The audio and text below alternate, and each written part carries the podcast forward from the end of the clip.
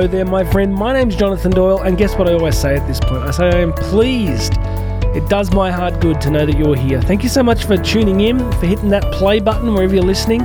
It's uh, it's really great to have you here. And listen, if you like the video content, you know I do a YouTube version every day, right? So I do a more visual version. Uh, visual version. You can uh, there'll be links to that. You can go and hit that link and come and check out the uh, the YouTube channel and there'll be a bunch of other links to different places where I'm doing stuff. But welcome aboard. If uh, wherever you are listening, in the gym, in the car, who knows? Today I want to talk to you about fulfillment. I want to talk to you about really getting clear on what fulfills you.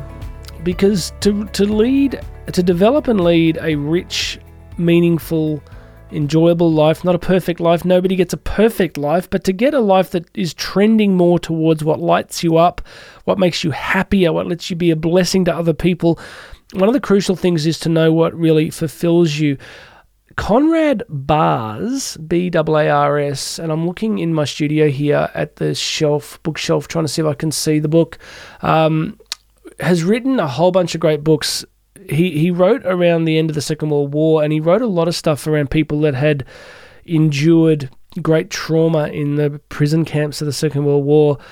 And he one of his books, I remember reading it, and he said this one line that really stuck with me. He said that people, you know, need to learn how to live a life in keeping with their nature. It really struck me because I am somebody who gets up on stage and loves to speak and to interact with people and to, you know, really do my best to and if you've ever seen me live you know i bring a lot of energy to that right? I really go 100% because every time i get on stage i have this sense this feeling that i may never get to speak to this audience again so i want to give them everything i've got. But when i'm not on stage by by nature by personality i am highly introverted I have spent time in monasteries. I'm the kind of guy that, you know, what lights me up is to read and to think and to meditate and to pray and then to speak. So my nature is really quite fixed in that sense.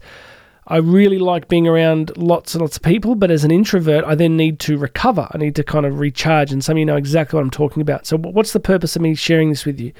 Well, it's because it's taken me a long time to understand what fulfills me. That what fulfills me is unique to me. Whereas there's two, there's probably three people in my family, that be my wife Karen and two of my kids that are more extroverted. And Karen, Karen can just go all day on the phone or with people just lights her up. She's just the most beautiful soul and she just is such a blessing to people and she loves people, right? And I'm not saying I don't, I'm just saying that she can just, she gets jazzed by being with people. So recently it was our 22nd wedding anniversary and I took her on this surprise trip to Melbourne to another city and secretly, I mean, she was so excited because you know she loves having time just for the two of us, and she was so excited because it was a break for us, and we we hadn't been away from our kids in 22 years, just saying. And she was really stoked. But I'd also gone ahead and I'd organised her four best friends to take her out to lunch, who they all lived in this other city, and so. You know, she was just so excited. Like she was squealing and screaming when they all saw each other, and they had this incredible lunch together. And, you know, what fulfills her is this deep connection with so many special friends. So, what I want to ask you today is are you clear on what fulfills you? And are you doing enough of it? Now, there is a spectrum here, right? There's a there's parameters because on one end is the person who never does things that fulfill themselves and they're constant out. And if you if you're that person, you'll often end up in resentment and bitterness because you're constantly having to meet other people's needs and expectations. You're giving, giving, giving, giving, giving, giving, giving. You're sick of it. You're like, oh my gosh, I'm just so tired of this. And on the other end is somebody who's more of an like you could say narcissistic in a sense is that everything is about their own fulfillment, right? Everything's about their own fulfillment. So you can see those two poles where you do nothing for yourself or where the other pole where everything's about you. So we don't want to be on either of those ends, right? We want to be right in that sweet spot where we are meeting our own needs and meeting other people's needs in a balanced way. But we also, to do that, must know what lights us up.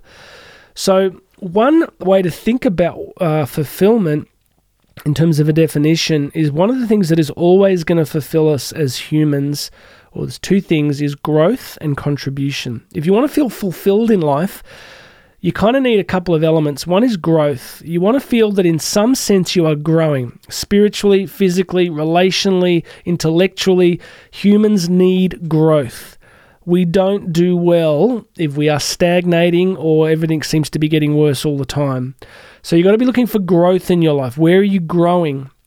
And related to that is where are you contributing? How do you get more fulfillment? You grow and you contribute. All right? You hear that? Growth. So that you are doing things that lead you in important areas of your life to become, you know, more fully yourself and contribute more. Contribution's so important, you know, because honestly, I believe on our deathbeds, that is the part that is going to matter everything else is going to be taken from you. You must understand that, right? The we are a culture that hates the concept of death. We we hide it. We don't talk about it. It is deeply resisted, but it's going to happen. Isn't it funny that it's something that as a culture we ne- we don't want to interact with? And I was gosh, the other day I was listening to this. I'm doing a lot of research and reading around AI at the moment, and one of the things that just nauseates me, to be honest, about AI is this new fascination with they can, you know that you can kind of live longer and you can have all your memories stored and then they can map your voice against all your memories and people can talk to you after you're dead. And there's this endless sense of like you know the the goal of life is to live forever. Well it's not. The goal of we're not here forever. We're not. And, and we need to remind ourselves that this journey will come to an end. And at the end and I said this the other day I was speaking to about 250 people in another city and I said you know on your deathbed, you're not going to be saying to yourself, if only I'd spent more time in the office. Now, that doesn't mean the office is bad, doesn't mean work's bad. That's an important part of life. And you can do really meaningful work in life. But you're never going to be at the end of your life wishing you'd worked more. Well, at the end of your life, what you're going to be thinking about is the contribution that you made and your key relationships. That is what you will be thinking about. Why? Because that's the thing that transcends you what you own, what you have in the bank, you know, how you looked, all those things are going to be gone, forgotten. What will remain is how you've impacted other people. You know, I think about my own life, and, and hopefully, in some way, over many, many years, I've been able to make some people's lives a little bit better by encouraging them, like I'm trying to do with you right now. And I look at my own kids and I think, well, well, you know, I'm not going to be the General Secretary of the United Nations. I'm not going to be, you know, the Prime Minister or President of any country.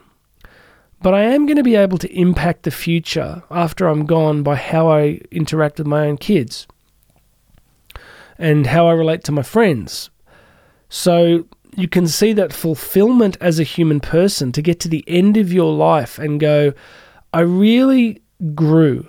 I, I, I, there was growth in my life. I, I became a better person, a, a, kinder, more integrated, more alive, more positive human over the journey. And it was hard and it was challenging and there were ups and downs, but in general, I took what I was given and I made something out of it. And also to be able to say that you contributed, that you made other people's lives a little bit better. You know, I think if you had that on your deathbed, you'd be like, wow, you know, that was quite a good ride. So this episode is about fulfillment and about taking a moment in your busy, busy life to ask yourself, what is it that fulfills you? And it's got something to do with growth and contribution, but is it music? Is it nature? Is it surfing? Is it cooking? Do things that fulfill you. Do things that I've been playing guitar again lately. I, I used to play for many, many years and I, I pulled it out again recently and started jamming and, and, and I sing a bit I'm not singing for you right now. You have to ask me if you meet me at an event. But I'm doing these things that just add richness and colour to life. And I think the risk in the busyness and intensity of our lives is that we forget to do these sorts of things. All right, my friend, God bless you. That's it from me today. Please make sure you've subscribed. I'd love you to share this with people and go and check out all the links. There's links to all the different things I'm doing. You can book me to speak live at your business, your school, your event, your conference. Go check that out. All right, God bless everybody. My name's Jonathan Doyle. This has been the Daily Podcast, and you and I are going to talk again tomorrow.